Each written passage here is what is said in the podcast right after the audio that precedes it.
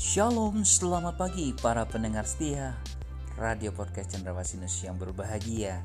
Hari ini kita akan mendengar akan renungan akan firman Tuhan. Biarlah firman Tuhan yang hidup itu akan menjadi berkat ketika Anda mendengarnya Dan rema dalam kehidupan Anda. Selamat mendengarkan firmannya. Tuhan Yesus memberkati Anda. Halo, Shalom. Tidak pernah bosan, kita selalu rindu mendengarkan podcast kita setiap hari yang melatih kita, mengajak kita, membawa kita masuk di dalam uh, kebenarannya Tuhan. Saudara-saudara yang kasih dalam Tuhan, hari ini saya boleh menyampaikan tentang uh, siapakah Yesus. Wah, kalau kita mau tahu tentang siapakah Yesus, pertanyaan ini sepertinya nggak perlu lagi ditanya sebagai orang-orang Kristen. Karena orang Kristen pasti tahu Yesus itu adalah anak Allah, Yesus Kristus adalah juru selamat, Yesus itu adalah penebus dosa, Yesus Kristus adalah yang menggantikan dosa daripada semua manusia-manusia. Tetapi silih berganti, kadang-kadang kita uh, kurang memahami jabatan-jabatan ataupun gelar yang Tuhan sudah miliki, tapi tanpa dirasa kita tuh masih meragukan, kita masih nggak percaya. Tapi hari ini uh, saya akan mengajak saudara untuk mulai memahami tentang siapa Yesus. Nah, kita buka di dalam Matius pasal 22 ayat 41 sampai 46. Demikian firman Tuhan. Ketika orang-orang Farisi sedang berkumpul, Yesus bertanya kepada mereka. Katanya, "Apakah pendapatmu tentang Mesias? Anak siapakah dia?" Kata mereka kepadanya, "Anak Daud." Katanya kepada mereka, jika demikian bagaimanakah Daud oleh pimpinan roh dapat menyebut dia tuannya ketika ia berkata, Tuhan telah berfirman kepada Tuhanku duduklah di sebelah kananku sampai ku, uh, sampai musuh-musuhmu kutaruh di bawah kakimu. Jadi jika Daud menyebut dia Tuhan, bagaimana mungkin ia anaknya pula? Tidak ada seorang pun yang dapat menjawabnya. Dan sejak hari itu tidak ada seorang pun juga yang berani menanyakan kepadanya ya sesuatu kepadanya. Wah. Apa pendapat kita tentang Yesus? Siapa dia? Ada banyak kadang-kadang uh, filosof ya semuanya para ahli-ahli memberikan jawaban kepada hal ini kepada banyak orang dari masa ke masa tentang Yesus. Semuanya bermuara, bermuara pada keraguan dan keilahiannya.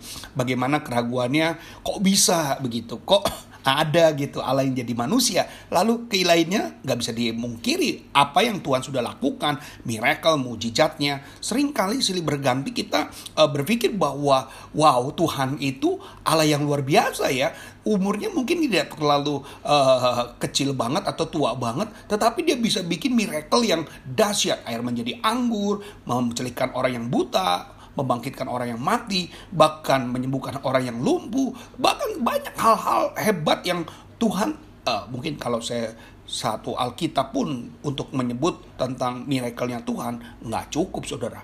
Karena terlalu banyak mujizat Tuhan. Hampir tiga tahun setengah dia berada di dunia ya bersama dalam pelayanannya itu hampir setiap hari tidak pernah berhenti untuk bikin mujizat saudara.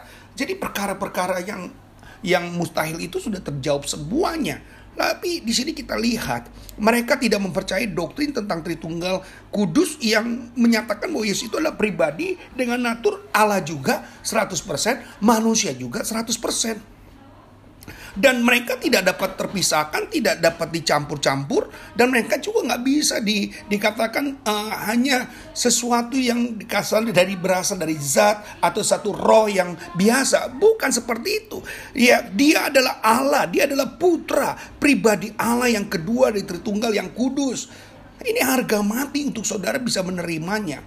Jadi saudara jangan sampai diragukan siapakah Yesus. Lalu saudara ragu-ragu siapakah Yesus. Apakah dia benar adalah Allah? Saudara menjadi bingung. Apakah dia adalah putra Allah? Saudara juga jadi bingung. Kalau ditanya putra mana ibunya. Dan segala sesuatunya seiring dalam diri kita, maka saya percaya saudara harus memahami kenapa hal ini uh, saudara harus belajar karena inilah penting buat kita.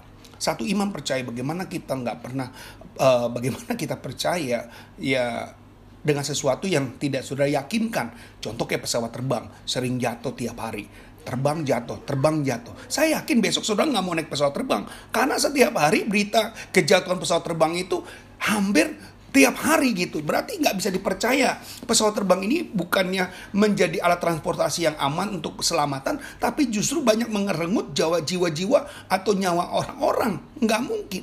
Hari ini jatuh pesawat 5, besok jatuh lagi pesawat 5. Saya percaya lusa saudara dikasih tiket gratis, saudara nggak akan mau pergi. Kenapa? Karena saudara udah nggak yakin. Bagaimana yakin dengan yang sesuatu yang ingin bahkan itu jadi pedoman hidup kita. Yesus itu akan menjadi juru selamat bagi kita.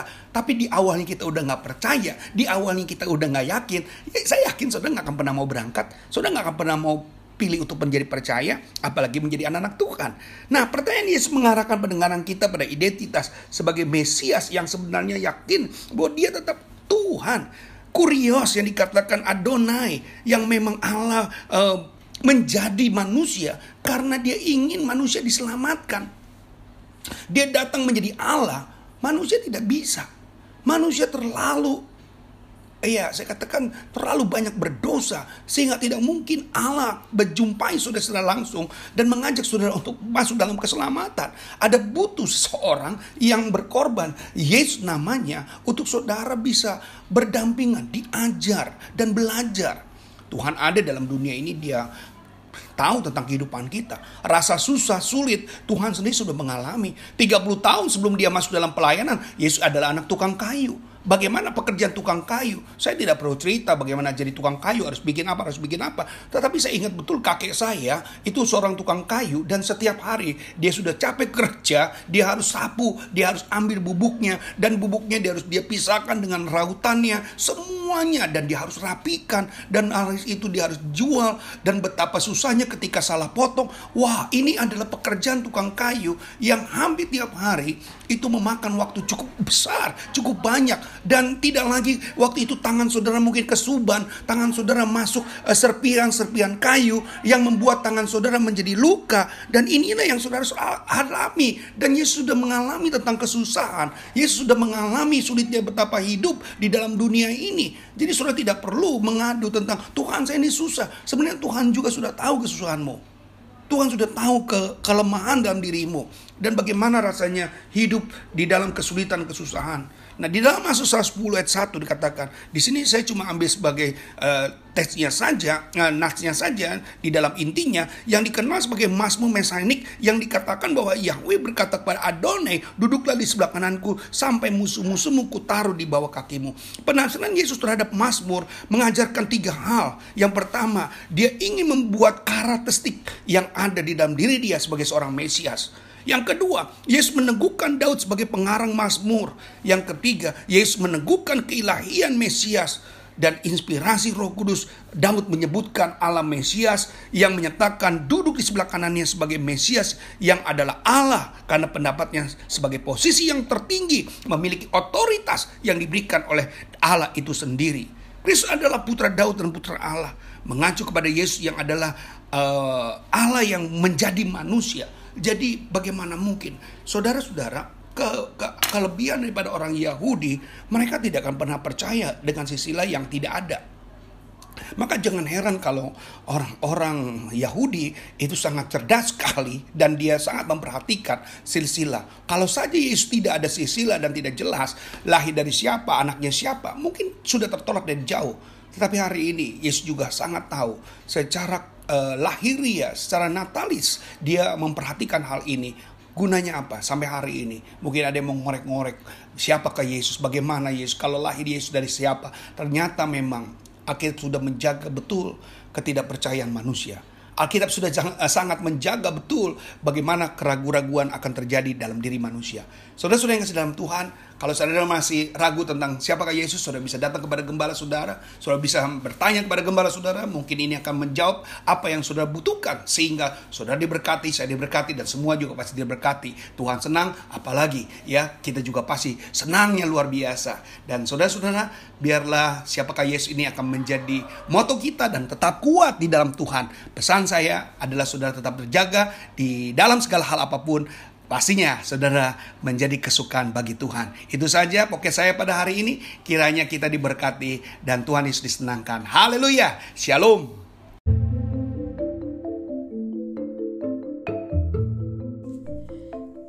Sampai jumpa esok hari. Kiranya damai sejahtera dari Allah Bapa, kecintaan kasih daripada Tuhan Yesus Kristus, dan persekutuan Roh Kudus menyertai kita mulai hari ini, esok, sampai Maranatha, Tuhan Yesus datang kedua kalinya. Sampai jumpa. thank you